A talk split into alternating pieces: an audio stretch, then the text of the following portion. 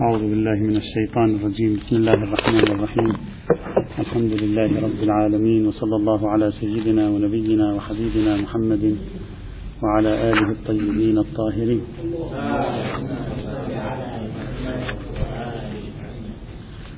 كنا نتكلم في النقطة ما قبل الأخيرة المتصلة بالتعليل النصي وهي تأثير التعليل. التعليل النصي تأثيره على إعادة تكوين الظهور. بصرف النظر عن مسألة دوران الأمر مدار العلة وجودا وعدما. ذكرنا تطبيق هذه الفكرة على آه، تحويل الدلالة من الوجوب إلى الاستحباب. ذكرنا أيضا تطبيقها من تحويل الدلالة إلى الحرمة إلى الكراهة. ثم ذكرنا مقاربات العلماء في هذا الموضوع خاصة المحقق الهمداني وسيد محمد صادق الروحاني وغيرهم أو غيرهما أو غيرهما من العلماء. ثم بدأنا قلنا لابد في البداية من أن نذكر بعض المداخلات ثم نتحدث عن تصور ربما يكون ربما يكون أفضل. تحدثنا المداخلة الأولى بالأمس وذكرنا أيضا المداخلة الثانية. صحيح؟ وأنا مشتبه. نعم. المداخلة الثالثة. حاصل هذه المداخلة على دعواهم أنه إذا جاء تعليل في النص فهذا يصرف الظهور من الوجوب إلى الاستحباب أو من الكراهة أو من الحرمة إلى الكراهة. حاصل هذه المداخلة التي ألمح إليها بعضهم ولو بشكل جزئي أننا رأينا في الكثير من الواجبات والمحرمات تعليلات. يعني هم هو واجب وفيه تعليل هم هو حرام وفيه تعليل. فما هو الموجب للاعتقاد بأن مجيء التعليل يستدعي أن يصبح الشيء مستحبا أو أو يستدعي أن يصبح الشيء مكروها. يعني التعليلات الموجودة موجودة في حق المستحبات وموجودة في حق الواجبات موجودة في حق المحرمات وموجودة في حق المكروهات. فلماذا تقولون كلما جاء تعليل فهذا يعني أن المعلل استحباب وليس بوجوب أو أن المعلل كراهة وليس بحرمة؟ فقد جاءت تعليلات وكان المعلل وجوبا. وجاءت تعليلات وكان المعلل حرمة فمن أين أتيتم بهذه القاعدة؟ وما هو وجه صحة هذه القاعدة؟ وهذا ما أشار إليه كما قلنا السيد الكلبلكاني في بعض مداخلاته في هذا الموضوع. إذا مجرد التعليل معنى هذه المداخلة أن مجرد التعليل لا يفرض أي خلخلة أي اهتزاز في الظهور الأولي للحكم المعلل ما دام صيغة أمر مفترض أن تكون ظاهرة في الوجوب. ولا نشعر بأي اختلاف وجداني بين صلي الظهر لأنها آه، مثلا آه، تعطيك صحة البدن وبين صلي صلاة الليل لأنها تعطيك صحة البدن. هذه واجب والتعليل ليس فيه ضرب من المجاز ولا نشعر فيه بأي حزازة وذاك نفس الشيء لا واحد مجازي ولا واحد حقيقي لا واحد مثلا غريب ولا واحد عادي. مثل بعض التعليل الذي يكون لواجب هو مثل التعليل الذي يكون لمستحب. كيف كيف استنتجتم استظهارا مختلفا في هذه الموارد؟ ربما شخص يعلق على هذه المداخلة ويقول عندما أنا أقول بالتحول الدلالي من الوجوب إلى الاستحباب لا أعني بذلك ظهور الأدلة المتضمنة للتعليل بالاستحباب. يعني لا يريد أن يقول أن الأدلة بمجيء التعليل تصبح ظاهرة في الاستحباب. فإذا كانت ظاهرة في الاستحباب فتعارض دليل الوجوب. والآن لا أريد لا أقصد ذلك. قد شخص يناقشنا في هذه المداخلة ويقول هكذا. يقول أنتم فهمتم علي خطأ. أنا لا أقصد عندما يأتي التعليل يصبح صيغة الأمر ظاهرة في الاستحباب. حتى تقول لي أحيانا يأتي التعليل ويكون المورد مورد وجوبي. أنا أقصد عندما يأتي التعليل تصبح صيغة الأمر ظاهرة في كلية الطلب. فقط هكذا. هذا هو المقدار الذي أدعيه. لا, لا أنها ظاهرة في الاستحباب بحده. بحده يعني بشرط لا من حيث شدة الطلب. ما ليس هذا ادعاؤنا. لو كان هذا ادعاؤنا كان كلامكم صحيحا. مثلا صل صلاة الظهر. فإنها آه تورث صحة البدن. هذا معناه أن الأمر بصلاة الظهر صار استحبابي. ظهور الأمر بصلاة الظهر بأنه بنحو الاستحباب يعارض ظهور الأمر في صلاة الظهر الاستحباب بحده يعارض ظهور الأمر في الوجوب في موضع آخر بحده. ممكن هكذا. لكن نحن كل ما ندعي أن مجيء التعليل يجعل الحكم المعلل مفيدا لكلي الطلب فقط. ليس مفيدا للاستحباب. وهنا في الوجوبات هم نفس الشيء أيضا. يعني نقول إذا جاء صلي الظهر فإنها تفيد صحة البدن. هذا يفيد هذا الطلب يفيد. هذه صلي الظهر تفيد مطلوبية الظهر والمطلوبية أعم من الوجوب والاستحباب. فلا تنافي الوجوب. نحن لم نقل أنها تنافي الوجوب لم نقل أنها ظاهرة في الاستحباب. نحن كل ما نقول مجيء التعليل يجعل هذا الحكم المعلل قاصر عن إفادة الوجوب. يفيد جامع الطلب الذي لا ينافي الوجوب فإذا كان هو من مكان آخر واجبا هذا لا ينفيه. فالقرينة التي أتيتم بها الآن لا تصلح نافيا لما ندعي. لو قلنا بأن التعليل يوجب ظهور الأمر في الاستحباب لما ناسب أن تأتي التعليلات في الأشياء الواجبة. لكننا كل ما ندعيه أن التعليل يفيد ظهور الأمر في الطلب. وهذا أعم من أن يكون المورد استحبابيا أو وجوبيا. فإن كان استحبابيا فهذا يتناسب معه. وإن كان وجوبيا فهذا أيضا يتناسب معه. آه الآن سنعلق بعد على مسلك الميرزا. لأن قلنا بالأمس قلنا ثلاث مسالك موجودة الوضع وغيرها. الآن سوف نفردها وسنرى آه هل تأتي الإشكالات أو تأتي هذه القضية على المسالك الثلاثة في ظهور صيغة الأمر أو لا يعني قول وجود بوده خب؟ حرمت بوده مثلا بعد التعليل دیگه طبیعت طلب میشه آره؟ ها ليس بعد التعليل طبيعة الطلب. ما زال هناك الوجوب فيه طلب. تدل على جانب الطلب في الوجوب فقط. مثلا مثلا فلان یا مثلا لفائدة فلان كذا. هذا تد... كلمة صلي لفائدة كذا تدل على مطلوبية الصلاة. قبل التعليل قبل التعليل تدل على الوجوب. وجوب. خب پس تعلیل اومد انصراف داد ظهور صيغه رو در وجود باید اشکال وارد هم لا أنتم لو لاحظتم إشكال إشكال السيد الكلبلكاني سترى أن إشكال السيد الكلبلكاني يأتي على مورد دون مورد، السيد الكلبلكاني ماذا قال؟ قال إذا كانت التعليلات تفيد ظهور الأمر في الاستحباب فهذا خلاف وجود تعليلات في الخارج. وموردها أمر واجب. جوابنا التعليلات لا تفيد ظهور الأمر في الاستحباب. ليس هذا مدعانا أن التعليل يفيد ظهور الأمر في الاستحباب بحده. وإنما التعليل يفيد ظهور الأمر في الطلب. في كلي الطلب. فإذا كان عندي شيء هو في واقعه واجب بدليل آخر. وجاء هنا معللا لا ينافي وجوبه. لأن لأن مطلوبيته تتسق مع وجوبه.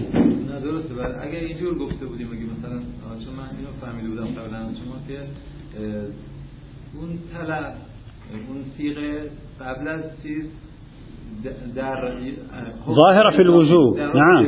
الآن ظاهرة في الطلب. الآن داره منافات لا لا نحن لا لا أنتم أنتم الإشكال ما هو؟ يعني إشكال أول المداخلة الثالثة التي قلناها الآن ما هي؟ المداخلة الثالثة لا تقول إن مجيء التعليل لا يغير شيئا.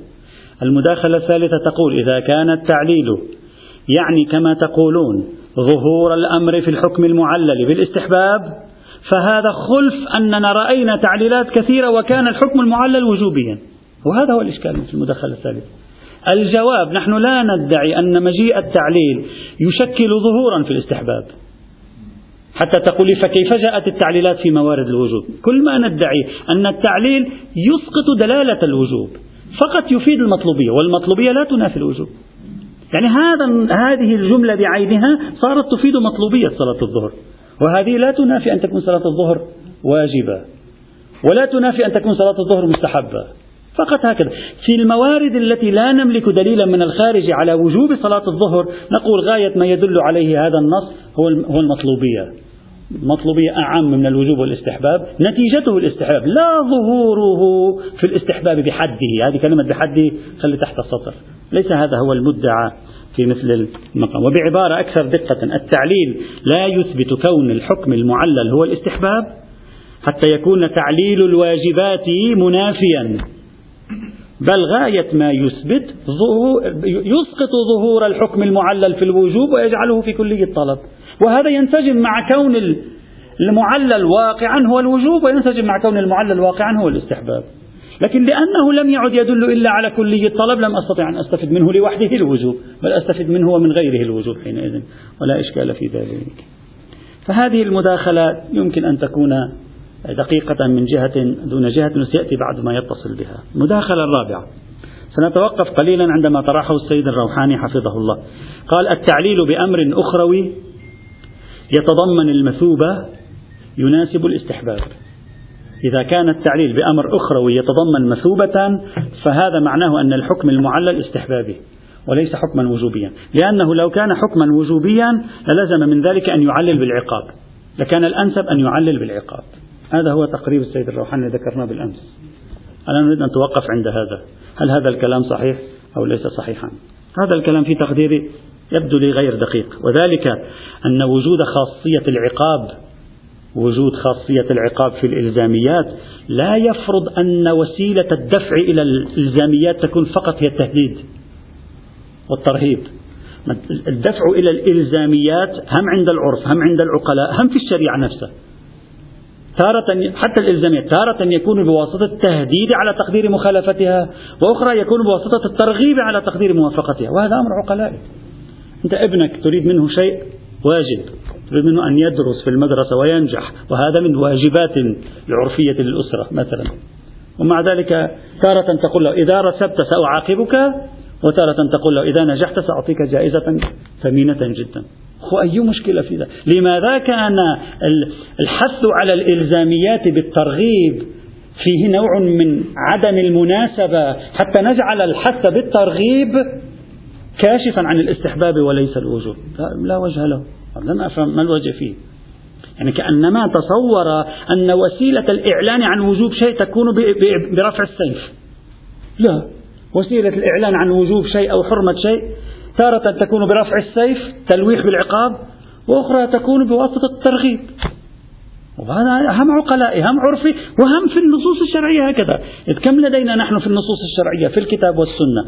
أمر بأشياء واجبة نهي عن أشياء محرمة ثم التهديد بالعقاب على تقدير المخالفة. وكم عندنا؟ أمر بأشياء أو نهي عن أشياء محرمة وإذا وإذا امتثلتم لأوامري ستكون لكم الجنة وسيكون لكم الخير الكثير وسيكون كذا وكذا وكذا. وأن لو استقاموا على الطريقة لأسقيناهم ماء غدقا.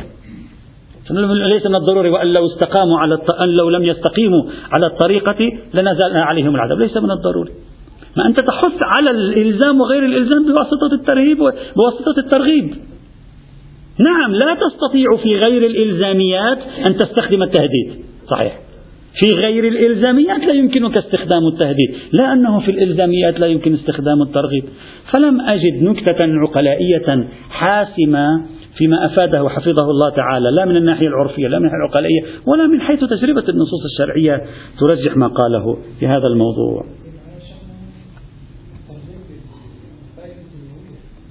بلي؟ لا نتكلم الآن في الترغيب كلية الترغيب. حتى في الأمور الأخروية وين المشكلة؟ الآن بعض الروايات الموجودة عند الآن أنا أتكلم في كلية الترغيب صرف النظر عن دنيوي. أدري. أنا أتكلم في كلية فكرة الترغيب. ممكن تجيب مثال أنت على على فكرة الترغيب في أمر أخروي. إذا من من صلى فجعل الله له مثلا كذا بيتا في الجنة.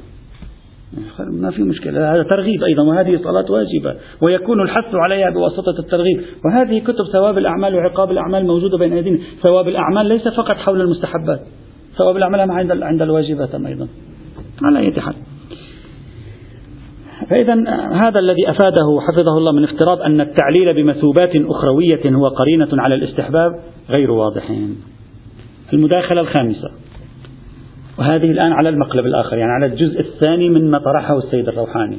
السيد الروحاني في الجزء الثاني المكمل لفكرته قال إذا كان التعليل بأمر دنيوي راجع إلى علل الجعل فهذا ليس, ليس بكاشف عن الاستحباب لأن علل الجعل هم هي موجودة في الاستحباب هم موجودة في الواجب هم هي موجودة في الكراهة هم هي موجودة في الحرمة فليس بدال على شيء مشتركة في هذا الإطار.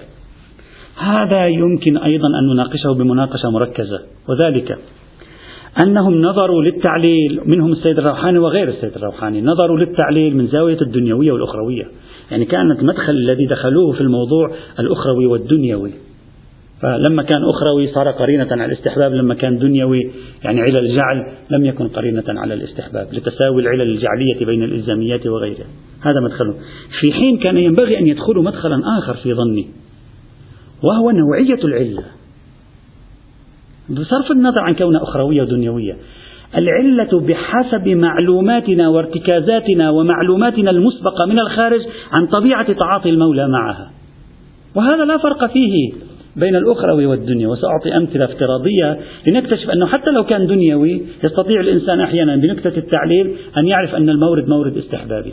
وسأوضح ذلك الآن مثلا لو جاءت الشريعة وعللت أمرا ما بمسألة دنيوية بسيطة. نفس مستوى بساطة العلة كاشف عندنا عن أن المعلل بهذه العلة ليس بنحو الإلزام. مثلا لو قال لا تتوضأ بالماء الساخن فإنه يجعلك تنام ساعة إضافية عن حاجتك في اليوم. ومركوز في ذهننا المتشرع ومعلوم من النصوص أن النوم ساعة إضافية عن حاجتنا في اليوم ليس بشيء آه، يصل إلى حد القبح. نفس هذا التعليل مع أنه دنيوي نتيجة ارتكاز مستوى العلة عندنا من معلومات مسبقة أو من ارتكاز متشرعي يجعلنا نفهم التعليل هنا بأمر استحبابي مع أن التعليل بنكتة دنيوية. لماذا؟ لأن دنيوية وعدم دنيوية التعليل ليست هي نهاية المطاف. مستوى العلة هو نهاية المطاف إذا صح التعبير. يعني حجم معلوماتي عن شدة طلب المولى لهذه العلة وعدم شدة طلبه لهذه العلة يؤثر سلبا أو إيجابا على طبيعة استنباطي للحكم المعلل وأنه إلزامي وغير إلزامي. فلو قال مثلا لا تتوضأ بالماء الساخن فإنه يتلف كبدك ويقتلك في أول العمر. قل هذه علة عظيمة ونعلم من الشارع أنه لا يرضى بأن يلحق الإنسان الضرر بنفسه بهذا المستوى. فنقول هذا نعم وجوبي. أما لا تتوضأ بالماء الساخن فإنك إن توضأت بالماء الساخن نمت ساعة إضافية في اليوم أو نصف ساعة إضافية في اليوم. نفس هذا مع أنه دنيوي يجعلنا نتيجة ارتكازات معرفتنا بهذه العلة. لا نستنطق من المعلل وجوبا. فليست النكتة في نهايتها نكتة دنيوية وعدم دنيوية. حتى الدنيوية بحسب معلوماتنا المسبقة عن درجة اهتمام الشارع بالعلة يستطيع ذلك أن يؤثر في درجة الإلزام في الطلب وأنه إلزام حقيقي أو أنه مثلا استحباب وما شابه ذلك. فليس ما قاله حفظه الله آه، آه، بصحيح على إطلاقه. وتكييف ما نقول أن العلة نفسها إذا كنا نعلم من الخارج أنها في نفسها غير مهمة جدا للمولى كيف نحرز أن الحكم وجوبي مع معرفتنا أن العلة غير مهمة جدا عند المولى؟ هذا فيه نوع من التهافت. وهذا يعني أن أي انطباع مسبق لنا عن العلة نفسها في حجم ضرورتها واهتمام الشارع بها من الطبيعي أن يترك أثرا عن مستوى استظهار الوجوب أو الاستحباب من الطلب الموجود في الحكم المعلل. وهذا أمر وجداني عرفي طبيعي. يعني أنت الآن والدك يقول لك مثلا لا تخرج في هذه الساعة من الليل فقد يعتدي عليك السراق ويقتلوك. تفهم أن هذا النهي نهي حقيقي. أما إذا قال لك لا تخرج في هذه الساعة من الليل فإنك إن خرجت مثلا ينقص من نومك ربع ساعة. تعرف أنه ليس مصرا بنحو الإصرار العجيب على الأمر وأنه مثلا مشفق عليك لا أكثر ولا أقل. طبيعة التعليلات ومعلوماتنا المسبقة عنها لها تأثير في هذا الموضوع. وبهذا نعرف من خلال المداخلة الرابعة اللي هي موضوع المثوبة الأخروية والمداخلة الخامسة اللي هي موضوع التعليلات الدنيوية. نعرف أن الطرح الذي قدمه السيد الروحاني بجزئيه ليس دقيقا على إطلاقه. كل طروحاتهم صحيحة لكن ليس على إطلاقها. يعني في الجملة كلها يمكن أن تتعقلها لكن ليست على إطلاقها كما رأينا. لا التعليل بمثوبات أخروية كاشف عن الاستحباب ولا التعليل بمثوبات دنيوية بالضرورة آه، دال على يبقي الدلالة الظهور على حالها في الوجوبية بل قد يرفعها أحيانا. نتيجة عامل آخر المداخلة السادسة. بعضهم قال التحول الدلالي من الوجوب إلى الاستحباب من الحرمة إلى الكراهة. ناتج عن طبيعة رؤيتنا لنظرية استظهار الوجوب من صيغة الأمر أو استظهار التحريم من صيغة النهي. ثلاث مباني عندنا كلنا درسناها في الأصول هذه. مبنى دلالة الصيغة على الوجوب أو النهي بالوضع. مبنى دلالة الصيغة على الوجوب أو النهي بحكم العقل مسلك الميرزا النائيني ومدرسته. مبنى دلالة الصيغة على الوجوب أو النهي أو الحرمة بالإطلاق والإطلاق فيه مسالك. كما درسنا مثلا شدة الشيء من جنسه بخلاف ضعفه ومسلك المحق العراقي درسناها. إذن ثلاث مسالك عندنا. قالوا قالوا إذا كنت تؤمن بأن ظهور الصيغة في الوجوب أو الحرمة على مبنى الوضع أو على مبنى العقل لا معنى لهذا البحث. التعليلات لا تغير شيئا. جاءت الصيغة ولا يوجد ترخيص حكم العقل بالوجوب جاءت الصيغة موضوعة للوجوب تدل على الوجوب بينما لو كنا نسلك في مبنى ظهور الصيغة في الوجوب والحرمة مسلك الإطلاق؟ نقول جاءت الصيغة. حتى تثبت الوجوب تحتاج إلى انعقاد مقدمات الحكمة. واحدة من مقدمات الحكمة ما هي؟ عدم ذكر القرينة. هنا مع وجود التعليل لا نستطيع إحراز عدم ذكر القرينة. لعل هذه قرينة. فواحدة من مقدمات الحكمة لم يعد متوفرا. لذلك رفعنا اليد عن ظهور صيغة الأمر في الوجوب هذا هو النكتة التي جعلتنا نرفع اليد عن صيغة الأمر في الوجوب فإذا كل هذا الموضوع برمته صار مبنيا على المباني المقررة في صيغة الأمر وصيغة النهي. على مبنيين لا معنى لكل هذا البحث. على مبنى ثالث هذا البحث ينفتح ويصبح له معنى. ويمكن أن نقبل به على المبنى الثالث. هذا ما ذكره بعض. هذا الكلام صحيح غير صحيح. هذا الكلام صحيح وغير صحيح في الوقت عينه يعني بنظرة ما من زاوية ما صحيح من زاوية أخرى غير صحيح. سأذكر زاوية صحته وسأذكر ما يبدو لي زاوية عدم صحته. أما أنه صحيح فهو عندما يكون هدفنا أن نثبت أن صيغة الأمر في الحكم المعلل ليس لديها قدرة إفادة الوجوب بعد مجيء التعليل. يعني إذا كنا نقصد بكل هذا البحث إثبات قصور الذاتي في الصيغة أن أن الصيغة فيها قصور ذاتي عن الإثبات. نعم هذا الكلام صحيح. لأن الصيغة إذا على مبنى الوضع ليس فيها قصور ذاتي عن الإثبات. الصيغة على مسلك آه، الحكم العقل ليس فيها قصور ذاتي لأنها تدل على الطلب وهي ما زالت تدل على الطلب. قصور ذاتي ما عندنا. بينما الصيغة على مسلك الإطلاق فيها قصور ذاتي عن إفادة الوجوب فإذا قصدنا من بناء كل هذا البحث على فكرة أن التعليل إذا إذا إذا قصدنا من كل هذا البحث أن مبنيين يعطيان قصورا ذاتيا مبنيين لا يعطيان قصورا ذاتيا والمبنى الثالث يعطي قصور ذاتي. فهذا كلام صحيح نعم. على الوضع لا يوجد قصور ذاتي. الوضع خلاص وضع. على حكم العقل لا يوجد قصور ذاتي. أنا فقط بحاجة إلى الطلب وعدم الترخيص. بينما على الإطلاق بحاجة إلى المقدمة الثانية من مقدمات الحكمة والمفروض أنني لا أحرزها. إذا أنا عندي قصور ذاتي عن انعقاد الظهور في الوجوب. إذا كان هذا مرادهم فهذا الكلام صحيح. أما الجهة غير الصحيحة وهو أنه ليس هذا هو مرادنا. ليس هذا فقط هو مرادنا. كيف؟ لأن القائل بفكرة التحول الدلالي هنا من الوجوب إلى الاستحباب ليس يفكر فقط بذهنية القصور الذاتي. يعني يمكن أن يقول لك مجيء صيغة الأمر الدالة بالوضع بالوضع على الوجوب. إذا جاء بعدها تعليل كان قرينة إرادة قرينة المجازية. ليس صعبا عليهم. هو هذا هم يمكن أن يطرحه يعني البحث ينفتح حتى على هذا الاحتمال. أيضا على مسلك الميرزا النائيني السيد الخوئي. إذا كانت الصيغة تعطي الطلب وحكم العقل يأتي من اجتماع الطلب مع عدم الترخيص. مدعى القائلين بالتعليل هنا أن التعليل قرينة الترخيص. فقد اجتمع الترخيص المستفاد من التعليل مع الطلب المستفاد من المعلل تشكل الاستحباب لم يعد يتشكل الوجوب ونفس الشيء أيضا. فإذا ماذا تقصد أنت من إقحام هذه المباني الثلاثة هنا؟ تقصد على مبنيين ما في قصور ذات يعني إفادة الوجوب على مبنى في قصور ذاتي. نقول نعم القائلون بظهور صيغة الأمر في الوجوب لو كانوا على مسلك الإطلاق وضعهم أصعب. صحيح هذا نقبل به. حالتهم أصعب لأنهم ليسوا مبتلين فقط بوجود المانع بل هم مبتلون في الحقيقة بالقصور الذاتي عن انعقاد الظهور في الوجوب. أما إذا قصدت أن البحث لا ينفتح على مسلك الوضع ولا ينفتح أصلا على مسلك الحكم العقل فهذا ليس صحيحا.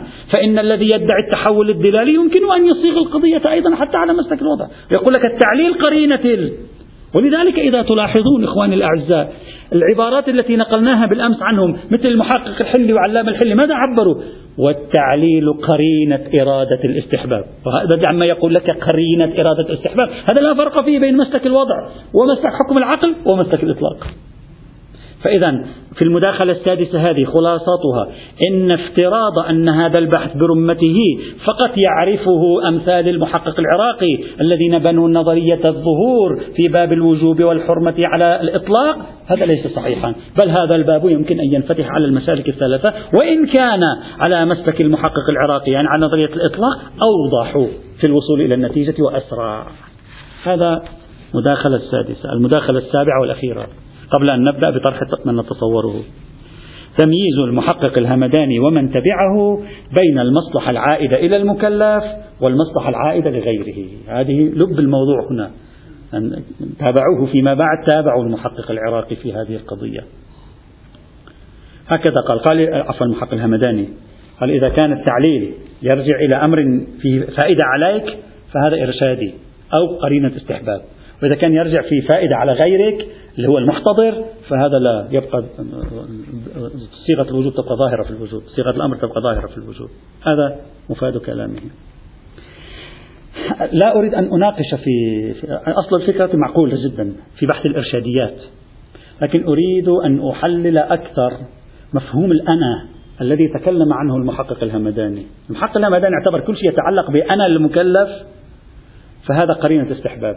إذا كانت المصلحة تتعلق بأنا غير أنايا أنا الآخرين أنا الميت هذا المحتضر فهذا لا يكشف. السؤال السؤال المحقق الهمداني هنا هل ترون أنه فكر بذهنية الأنا الفردية؟ ولم يفكر بذهنية الأنا أوسع من الأنا الفردية ولذلك أشكل عليه السيد الخنساري في جامع المدارس قال له أقرباء الميت مصلحتهم من مصلحة الميت. إذا كان عم يتوفى. ونكتته في محلها وقابلة للتنظير. يعني يمكننا نبني عليها وننظر على أساسها. كيف؟ وذلك أن نقول الأنا المتصورة يعني المصلحة الراجعة إلي؟ لست أنا الفرد فقط. أنا, أنا عندي أنايات كثيرة كما يقول علماء النفس. أنا عندي أكثر من أنا. عندي أنا الفردية زيد ابن عبيد. وعندي الأنايات جماعية عندي الأنا الجماعية الراجعة إلى أنايا اللغوي. أتكلم العربية فأنا العرب عندي أنا. عندي أنايا الديني. مسلم فأنا المسلمون بالنسبة لي أنا. أنايا المحلي. أنا من أهل القرية الفلانية. مصلحتهم مصلحتي. أنا هذا أنا. أنايا هذه. أتكلم الآن عن مصلحة عائدة لي الآن هذا لما تقول كلمة مصلحة عائدة لي لم ترد هذه الكلمة في رواية أو آية هذه وردت في كلام محق الهمداني. نحن نريد أن نحلل كلمة مصلحة راجعة لي. ليس فقط المصلحة الراجعة لي هي مصلحة الأنا الفردي المحض البحت ما شئت فعبر.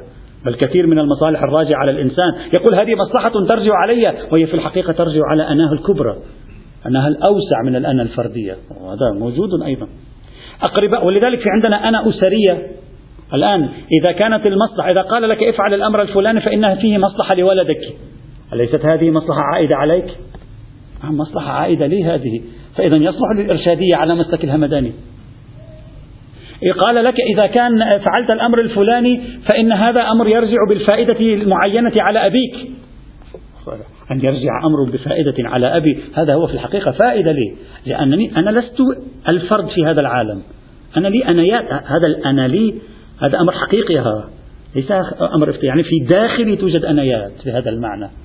يعني أنا لست إذا كل واحد مننا أناه الوحيد تمزقنا في هذا العالم. نحن أنايات متعددة. فلذلك أنا أقول إذا كان ربح المسلمون في حرب معينة فأقول ربحت. وأرى أن ذلك من مصلحتي.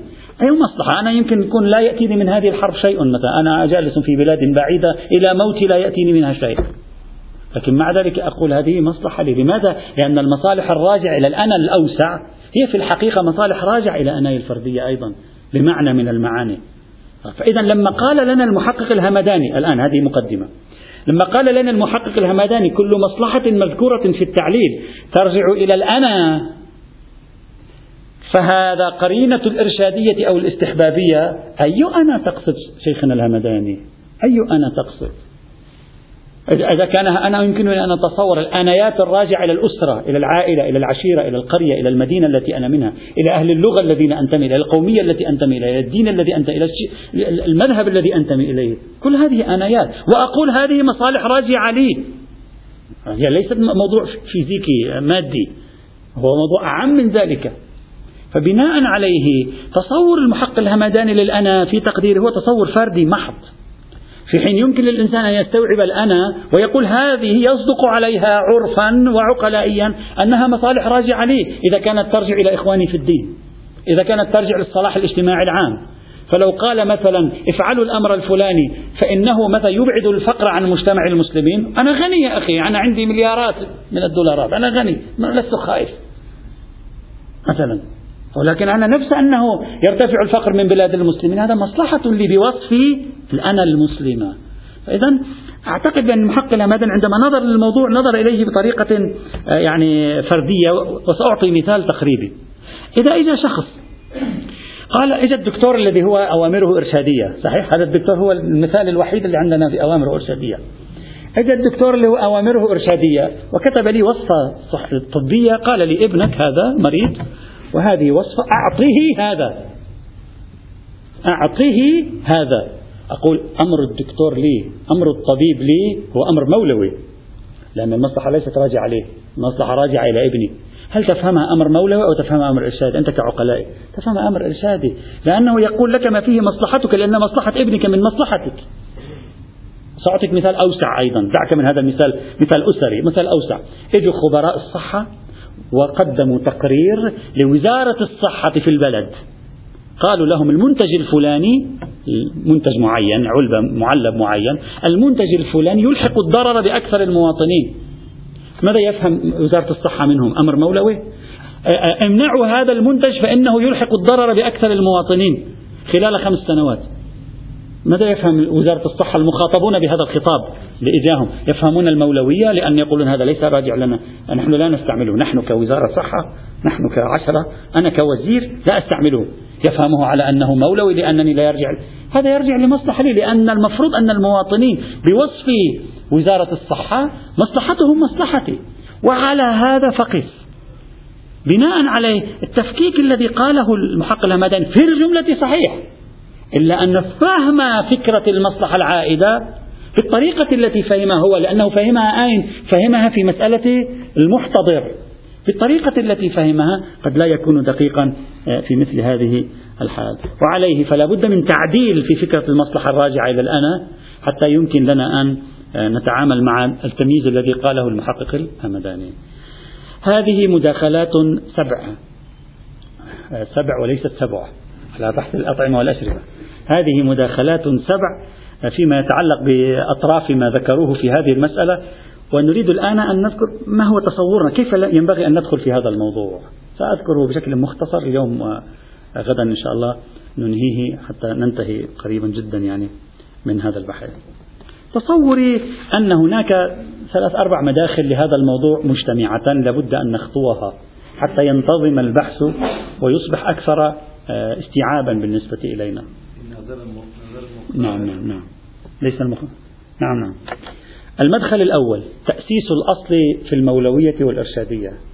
هذا مدخل لابد أن نحدده في ضوئه تتحدد مواقف لنا هنا. ما هو الأصل في الأوامر والنواهي الصادرة من المولى؟ الأعم من الله والرسول وأهل البيت عليهم السلام. ما هو الأصل فيه؟ هل أنه مولوي ولا إرشادي؟ عندنا ثلاث مسالك مفترضة. خلينا نعبر عنها مفترضة الآن. المسلك الأول. أن نبني على أن الأصل في الخطابات الصادرة في الكتاب والسنة المولوية. الأصل هو المولوية والإرشادية يحتاج إلى. نقصد بالإرشادية هنا الإرشاد إلى مصالح ومفاسدها. لا الإرشاد إلى الشرطية والمانعية والقاطعية والرافعية هذه. تلك النوع من الخطاب الإرشادي ما نتكلم عنه هنا أرجو الانتباه. لأن كلمة الأوامر الإرشادية لها معاني متعددة. إرشاد؟ لا نتكلم الآن عن الإرشاد يعني أنه لا يريد أن يعطيني أمر آه، مولوي. يريد أن يعطيني مجرد توجيه إلى ما فيه مصلحة ومفسدة فقط لا أكثر ولا أقل. أن نقول أن الأصل في الخطابات الصادرة في الكتاب والسنة هو المولوية ونبني على ذلك لا ما هو دليله بحث آخر لأن نتكلم فقط على البناء على المبنى.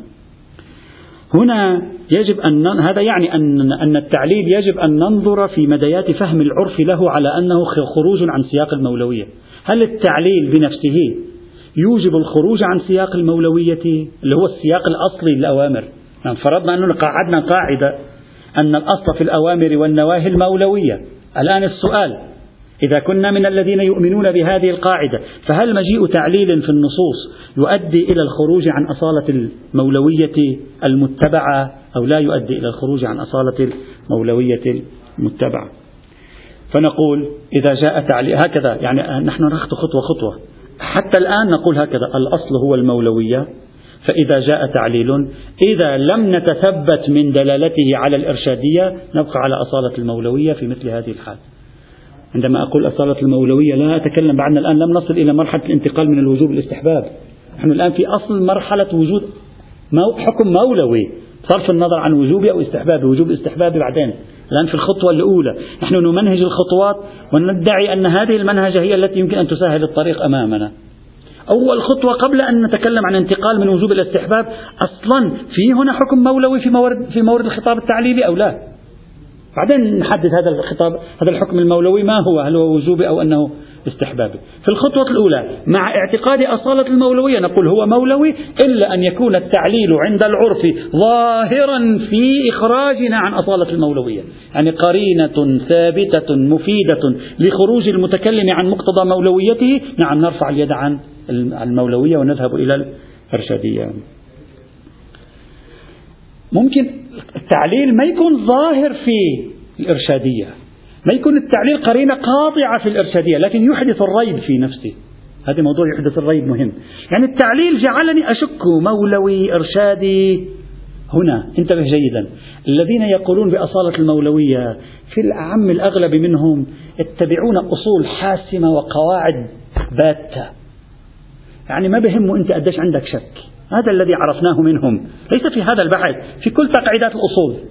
ما يهمه أنت درجة الشك والتردد التي حصلت عندك. يقول لك ابني على المولوية إلى أن يأتيك دليل قاطع حجة معتبر على رفع اليد عن المولوية. هذا طريقتهم.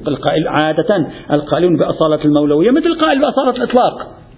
الإطلاق محكم إلا أن يأتي كذا. أو خلينا بالعموم العموم أسهل. العموم محكم إلى أن يأتي ما؟ يوجب رفع اليد عنه. شككت في العموم ما يهم شو يعني شككت في العموم؟ ما يعني في عندي عموم عن عندي عندي قاعدة أضع قدمي عليها إلى أن يأتيني دليل حجة معتبر يهدم عملي بالقاعدة. أما أنه جاءني شيء ما من الطرف الآخر ليس بحجة معتبر. شككني في المولوية؟ لا ما في مشكلة. أصله هو المولوية. هذه نقطة مهمة جدا خليها في بالنا. طيب هذا إذا سلكنا مسلك أصالة المولوية خارطة الطريق يجب أن تكون على هذه الشاكلة. اثنين. أما مع الشك أصالة المولوية. على على أنا أتكلم عن أصالة المولوية بالطريقة المتعارفة المعمول بها عند الأصوليين. تقول لي شك وأنا شككت ما يهم أصالة المولوية محكمة إلى أن يرتفع هذا إلى أن يأتي دليل لا لأن يأتي شك. هذا الذي أقصده. أما إذا بنينا على أصالة الإرشادية الأصل في الخطابات الإرشادية. طبعا أنا لا أعرف أحدا قال بأصالة الإرشادية إلا أشخاص بعدد أصابع اليد مثل الشيخ آه، محمد مشتهى الشبستري مثلا. الشبستري يقول أصل الإرشاد في البيانات الموجودة في الكتاب والسنة.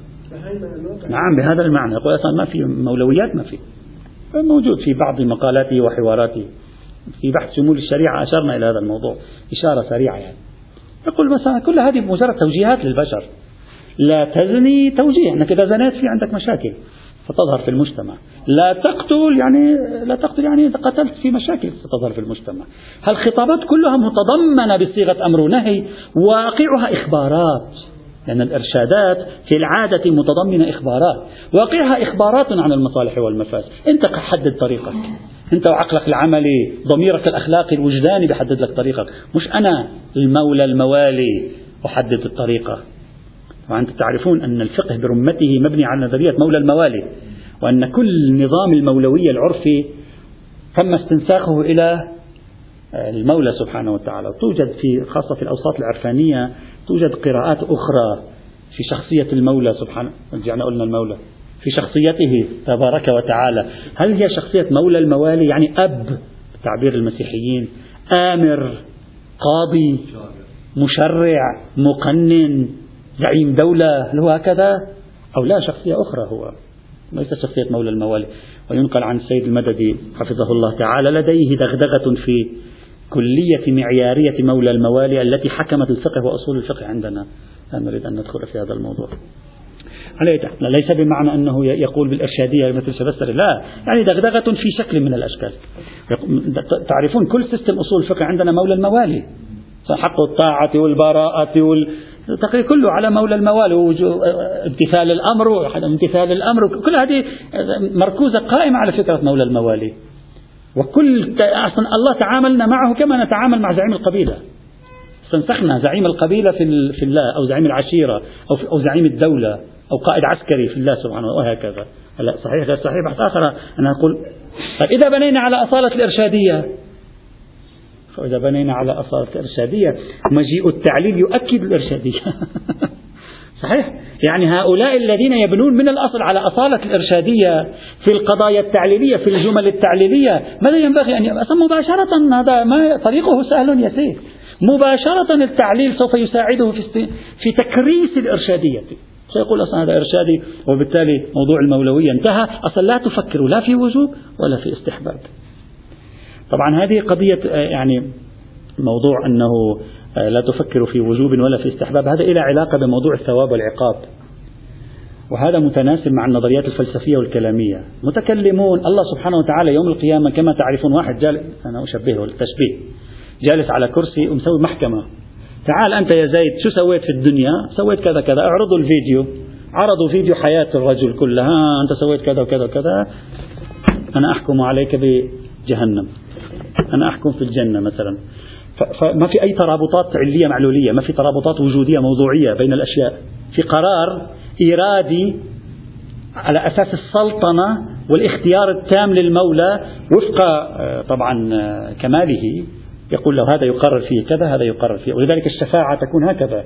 تكون عبارة عن عملية تفاوضية أشبه بعملية تفاوضية. ها هذا تكلم فيه محمد بن عبد الله. أدخلوه الجنة لا بأس. هكذا. تصور الكلام أصلا صورة الله في الآخرة عندنا هكذا في علم الكلام عادة. فلاسفة أو بعض الفلاسفة تكون دقيق.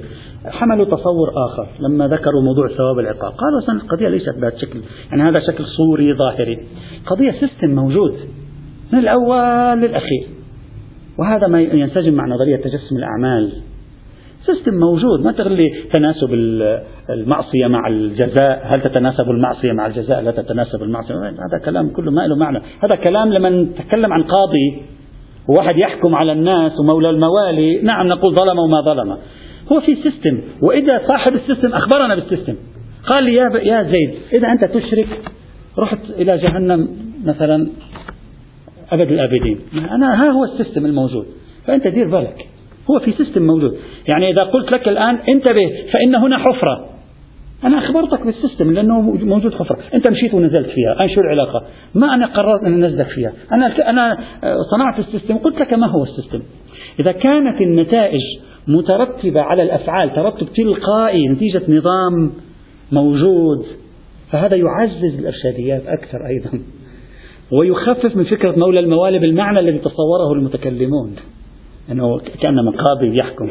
فخلي هذا في بالك لا نريد ندخل فيه. أما إذا واحد قال لا يوجد أصل في الموضوع ولعله الصحيح كما بحثناه في مختصرا في كتاب حجية السنة. أصلا لا يوجد لا أصل إرشادية ولا أصل مولوية. أصول أرجوكم هذه فكرة الأصول خففوا لنا إياها مثلا إذا شخص قال هكذا. لا كل شيء سووا له أصل. لا توجد فكرة أصول هنا. هذه قضية تابعة لما يفهمه الإنسان من خطاب المتكلم. إذا يفهم منه إعمال سلطنته القانونية فنقول هذا أمر مولوي. إذا المناسبات السياقات المقامات الحالية إلى آخره يفهم منه أنه فقط يرشدني إلى المصلحة والمفسدة لا ينشئ قانونا فنقول هذا أمر إرشادي. قضية تابعة للاستظهارات السياقية المقامية الحالية لا يوجد شيء غير ذلك في هذا الموضوع. هنا في مثل هذا مجيء الجملة التعليلية أصل وجود الجملة التعليلية لا ليس فيها مولوية واضحة يعني واضح الجملة التعليلية إن لم نقل تعزز الإرشادية أحيانا فليس هناك مولوية آه، واضحة فيها حينئذ إلا تكون أنت عندك استظهار للمولوية يعني تكون عندك قرينة إضافية في هذا الموضوع. وعليه ما أريد أن أقوله في المدخل الأول. الأول خطوة علينا أن نخطوها أن نحدد موقفنا من الإرشادية والمولوية. ما هو مقتضى الأصل وما هو مقتضى الفرع والاستثناء؟ هل الأصل المولوية؟ نخرج عنه إلى الإرشادية بقرينة فالتعليل لا بد أن يكون قرينة. هل الأصل الإرشادية؟ نخرج عنه بقرينة فالتعليل ليس قرينة. التعليل يمشي مع الأصل. أم لا يوجد أصل في المقام وعلينا مباشرة أن نذهب إلى الجملة التعليلية لنرى ماذا تعطي. هل تعطي مولوية أو لا تعطي مولوية في هذا؟ المجال. هذا المدخل الأول. المدخل الثاني هل بعد أن فرضنا أنه حصلت مولوية إما لأصالة المولوية وإما لاستظهار المولوية ولو كان الأصل الإرشادية وإما لاستظهار المولوية في المقام مع عدم وجود أصل. هل نفس التعليل بما هو تعليل بصرف النظر عن نوعية العلة هل نفس التعليل يرفع اليد عن ظهور المولوية يشككني في استظهار المولوية أو لا يأتي إن شاء الله تعالى. والحمد لله رب العالمين.